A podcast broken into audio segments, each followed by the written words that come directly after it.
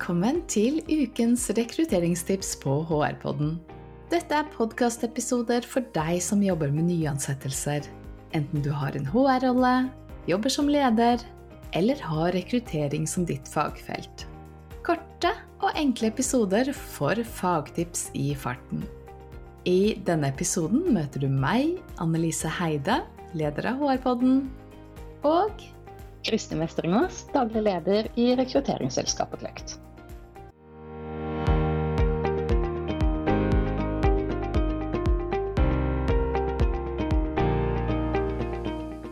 Kandidatopplevelse og kandidatreise. Du, dette er ord som først har blitt brukt til seinere år, er det ikke, Kristin? Jo, det er en del perspektiver og praksis som kommer fra salg, markedsføring og produktutvikling, som med fordel kunne blitt adoptert tidligere inn på rekrutteringsområdet. Nå er det heldigvis mye data på dette. Både LinkedIn, Talentboard, Forbes, Glassdoor og flere har publisert undersøkelsene sine på kandidatopplevelse og hvordan det påvirker utfallet av prosessene. Og ingen overraskelse. Selskaper som investerer i god kandidatopplevelse, de rapporterer om bedre kvalitet på ansettelsene sine. Kanskje ikke så rart, for de har en høyere andel av kandidater som aksepterer tilbudet de får. Altså, Selskaper som tar litt lettere på kandidatopplevelsen, de har altså flere av det som vi kaller dropouts fra prosessen. Altså kandidater som trekker seg underveis, som takker nei til tilbudet. Eh, kandidater som arbeidsgiver velger, men som selv velger arbeidsgiveren vekk. Og det er flere grep som kan gjøre kandidatopplevelsen veldig mye bedre. Og som altså påvirker om du kommer i havn med prosessen. Skal vi begynne? Ja. Dette er jo USA-data, men jeg har inntrykk av at det er det samme her hjemme. Den første tingen vi kan bite oss merke i, er dette. 83% av kandidatene svarer at det blir gjort en stor positiv forskjell av opplevelsen dersom arbeidsgiverne kunne gitt dem en tidslinje å forholde seg til. Altså 83 Det er mye. Og med tidslinje så handler det om hva som skjer på hvilke datoer, altså hvilke steg til hvilken tid, og når prosessen er forventet ferdig. Og jeg vet at du og jeg har dette som et hjertebarn, Annelise. Det med at tidsplanen den må kommuniseres til kandidater og linjeledere og andre involverte så tidlig som mulig. Sørg for at ingenting kan misforstås. Blokker tider etc. så fort som mulig. Og husk på også dette, for å gjøre det litt enklere. Husk å sette tiden baklengs. Hvis kandidatene skal rekke å si opp nåværende stilling innen månedsslutt, så må du ha avtalen signert helst dagen for det igjen. Og referansesjekken kan også ta en dag eller to, og det må legges inn litt tid til avslag etc. underveis i prosessen. Hmm. Ja, så er det jo ikke alltid ting går som man har tenkt. Det kan hende at det tar tid å få tak i de referansene. Kanskje den eh, favorittkandidaten din sier nei, og så skal du tilby dette til neste kandidat. Så, så legg litt slekk, tenker jeg da. Mm. Um, og så kan det jo også være greit å gi kandidatene litt tid til å varsle referanser. Uh, særlig hvis vi ønsker å snakke med mennesker som kandidaten kanskje ikke hadde tenkt å bruke som referanse i utgangspunktet. Her vet jeg at du har noen meninger. ja, jeg har jo noen klare ønsker om hvilke referanser jeg vil snakke med. Og det er helt unntaksvis at det er akkurat de samme personene som kandidatene hadde tenkt å bruke. For de referansene som kandidatene foreslår selv, de kan være litt lik en fanklubb. Det skal være svært gode grunner til at jeg ikke skal snakke med den som var leder i sist avsluttede arbeidsforhold, og være litt obs på det. Men vi vil ikke at folk skal føle seg mistenkeliggjort. Så det er greit å informere om at vi praktiserer referansesjekken på den måten, og at vi til gjengjeld er vant til mer nyanserte samtaler. Mm. Men altså, det å få vite hva som er planlagt til hvilken tid, inkludert ferdigstillelse av prosessen, det er et av de grepene du kan og bør gjøre. Helt klart. Og så har vi selve intervjuet. Det er jo et av de interaksjonspunktene som påvirker kandidatopplevelsen. Og ikke bare ett av, men det viktigste. Og her har vi observert at til og med idet vi begynner å kommunisere med kandidatene rundt intervjuet, så er det allerede rom for forbedring. Ja, det er et godt poeng. For jeg tenker, hvis du, skal, hvis du, skal, kalle inn en kollega til et møte, så er det så å si alltid skriftlig og med en placeholder eh, og en agenda inn i kalenderen. Og underlig nok så er det ikke alle som praktiserer det samme når det gjelder intervjuer. Og det er selvfølgelig helt fint å ringe kandidaten for å invitere til intervju. Det kan være både hyggelig eh, og praktisk med en samtale. Men når det kommer en kanskje litt sånn uventa telefon, så kan det være vanskelig å få med seg alt. Kandidatene er kanskje på farten, eh, de gjør et eller annet, eh, de er sammen med noen andre mennesker. Så, så, du kan ikke regne med at de får med seg alt du sier, eller at de er i en situasjon der det passer å notere ned detaljene. Så moralen er ganske enkelt gjenta det viktigste i en e-post etterpå. Og gjerne en kalenderinvitasjon. Ja, folk liker jo forutsigbarhet. Så tid og dato og klokkeslett, det bør være med. Både fra og til. Hvor lenge det skal være. Og her skyndes det ganske mye, altså. Det gis ikke noen lengde. Og det blir helt umulig for kandidatene å vite om dere tenker 45 minutter eller halvannen time. Og det ville jo vært helt uakseptabelt i et annet møte. Absolutt. Eh, og det er vel ikke det eneste som ofte er vagt ved innkalling til intervjuer? Nei. Adresse er jo også en av de tingene som bør være med. Mange virksomheter har flere lokasjoner, og adressen bør også gjentas skriftlig. Jobber du som ekstern rekrutterer f.eks., så må du presisere oppmøteadressen for intervjuet. Andre ting som bør være med i en innkalling, det er hvem som skal være med, og gjerne stillingen deres. Dette er bare for å gjøre det mer forutsigbart for kandidatene. Kontaktinformasjon bør du ha med. Et telefonnummer, f.eks. Dersom det er noe i siste liten, sånn at kandidaten kan få tak i deg hvis noe oppstår. Og gi også beskjed om kandidatene skal forberede noe eller ikke. Det er ikke vanlig å forberede noe til et førstegangsintervju, men gi gjerne beskjed om at det ikke er det, og en kort setning om hva dere vil snakke om. Og så er det én ting som folk ikke tenker på. Det er mulige kuriositeter eller ting som påvirker kandidatopplevelsen. Sånn som innganger som er vanskelig å finne, etc. Om det er en resepsjon de kan vente i eller ikke. Gi beskjed om sånne ting. Ja. Jeg hørte du har surra deg bort selv en gang. ja da. Er det en liten sjanse for å gå feil, så gjør jeg nok det. Og for deg som jobber et sted, så er jo allerede alt kjent. Men jeg har flere eksempler på kluss her, altså. Ting som man selv ikke tenker over fordi man har kjent det, men som for nye besøkende skaper forvirring. En av mine kunder holder til i nummer sju i en gate i Oslo. Men det er to nummer sju i den gata, altså to innganger. Og de har hatt mange besøkende som har gått feil, og som har surret seg opp i trappeoppgangen med leiligheter istedenfor inn på kontoret.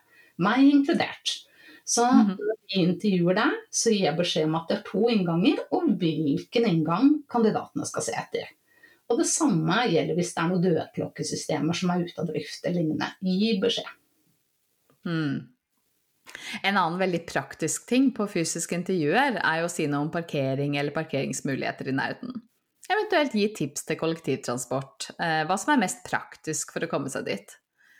Eh, og nå klarer jo selvsagt kandidaten å finne ut av det selv, men jeg tenker det skader ikke å være litt på servicesiden. Og det er jo så utrolig enkelt for deg som rekrutterer å bare legge inn to linjer om det i den mailen som vi likevel skal sende ut. For dette intervjuet det er jo også et innsalg av oss som arbeidsgiver. Det er i vår interesse at kandidaten føler seg trygt, trygge og godt ivaretatt allerede fra første møtepunkt. Og dette er en av de viktigste arenaene for å bygge en reell motivasjon for jobben. 48% av kandidatene som trekker seg fra en prosess, de oppgir hvordan de ble møtt og behandlet i intervjuet som årsak. Og jeg husker selv at jeg var i sluttfasen på en rekrutteringsprosess en gang for mange år siden, der vi var så å si i mål med prosessen. Jeg var keen på jobben, eh, og ledelsen de ønska å tilby meg jobb. Og det var bare en litt sånn siste liten formalitet som måtte på plass før vi landet dette her. Et såkalt farfarsintervju, der jeg skulle møte toppleder i virksomheten. Og det var snakk om 15 minutter, men vedkommende oppførte seg så arrogant og nedlatende at jeg mista helt lysten på denne jobben. Og jeg husker så godt den her samtalen med hun som skulle ha blitt min leder dagen etterpå, da jeg trakk meg fra prosessen. Og jeg grua meg skikkelig til å si det. Og jeg var litt sånn usikker på om jeg skulle tørre å fortelle hvorfor jeg trakk meg. Men jeg gjorde det. Og det hele endte med at hun fortalte eh, at denne her personen han var faktisk en liten utfordring i hverdagen, og at det var mange ansatte som reagerte på oppførselen hans. Eh, så hun var ikke noe overrasket. Så ja, det betyr noe. Eh, bare et eksempel på akkurat det som statistikken sier, da. Mm. Og tallenes tale er jo klar her. Du er jo ikke alene om å ha dårlige intervjuopplevelser. Og avhengig av hvilken undersøkelse man ser på, så sier mellom 65 og 87 det samme. Dårlig opplevelse under intervjuet, det gjør at kandidatene mister interessen for jobben. Og omvendt. God opplevelse det påvirker positivt utfallet i arbeidsgivers favør. Når vi snakker om dette, det å legge inn tid f.eks. til en liten omvisning i lokalet, det er det veldig få som gjør. Nå kan det være at ikke alle kandidater kan eller vil benytte seg av et sånt tilbud. Det kan være prosesser der diskresjon står høyt, som gjør at dette ikke er ønskelig. Men generelt så er det å sørge for at kandidaten har et best mulig beslutningsgrunnlag, og det at vi viser at vi forstår at det er et gjensidig valg, det er noe av det som skal være på plass i en god kandidatreise. Og så det er viktig å gi tydelig beskjed på slutten av intervjuet når kandidaten senest kan forvente tilbakemelding, og at man holder på det og gir den. Og de som er klare avslag, de bør få det fortest mulig. Mm. Ja, ifølge de undersøkelsene som vi viste til innledningsvis, så sier 80% av kandidatene at de vil vurdere en arbeidsgiver igjen hvis de fikk et raskt og respektfullt avslag i første runde. Det er noe å tenke på. Men vi må jo ivareta alle søkerne i en prosess. Og en gruppe som jeg opplever ofte blir glemt, det er kanskje kandidatene. Du vet når du screener kandidater, og så velger du ut noen ja-kandidater som skal til intervju, noen nei-kandidater som skal få avslag, gjerne med en gang, som vi snakket om. Og så er det noen kandidater som egentlig er kvalifisert på jobben, men som ikke når om blant de best kvalifiserte. Det er kanskje kandidatene. Og det som skjer noen ganger, det er at de andre de får beskjed om en gang men disse blir liggende i rekrutteringssystemet i påvente av resultat fra innledende intervjurunde. Og det var min største tabbe en gang i verden. Jeg glemte å kommunisere med kanskje-kandidatene underveis. Og jeg oppdaget feilen fordi vi kjørte kandidatevaluering. Vi hadde altså eh, kandidatspørreundersøkelser for, for å få tilbakemelding på prosessen, og så ble jeg overrasket da noen kandidater sa at de syntes at dette tok altfor lang tid uten at de hørte noe. For vi var egentlig superkjappe i alle prosesser, eh, og var kjempeopptatt av å gi tilbakemelding når vi hadde sagt vi skulle gjøre det. Akkurat sånn som du beskrev. Og så skjønte jeg plutselig hva det handlet om. Det var disse kandidatene som vi hadde beholdt sånn for sikkerhets skyld, i tilfelle vi ikke landet med noen av favorittene de glemte vi å kommunisere med. Eh, og det var en veldig viktig påminnelse. Ja, jeg er glad du delte den historien, for den tror jeg flere kan lære litt av. Men så er det de kandidatene som vi tar til intervju, da. Her er det også mye å være oppmerksom på.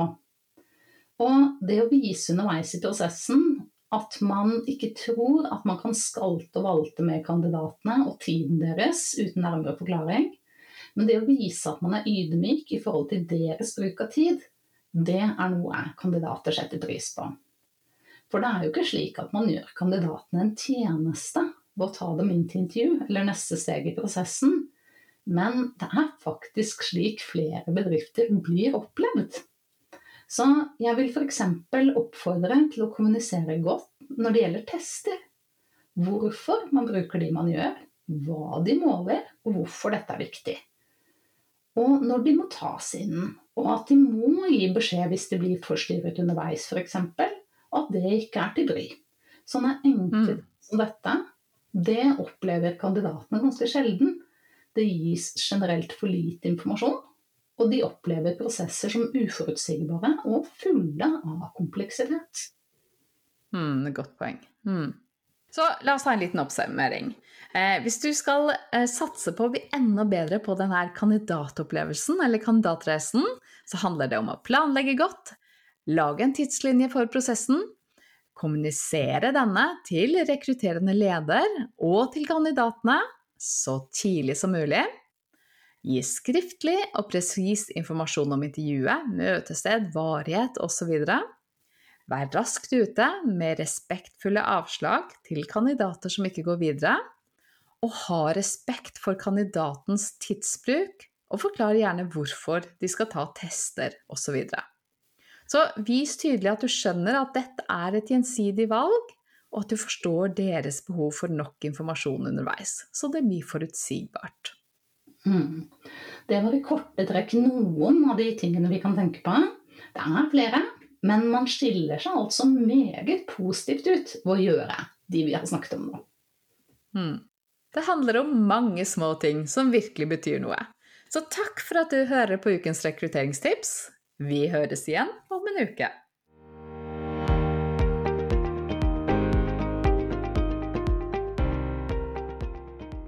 Synes du dette var nyttig? Del gjerne episoden med en venn eller kollega og følg Annelise og Kristin på LinkedIn for mer fagstoff om HR og rekruttering. Og du, husk at HR-podden kommer ut med en ny og spennende episode hver onsdag. Vi høres!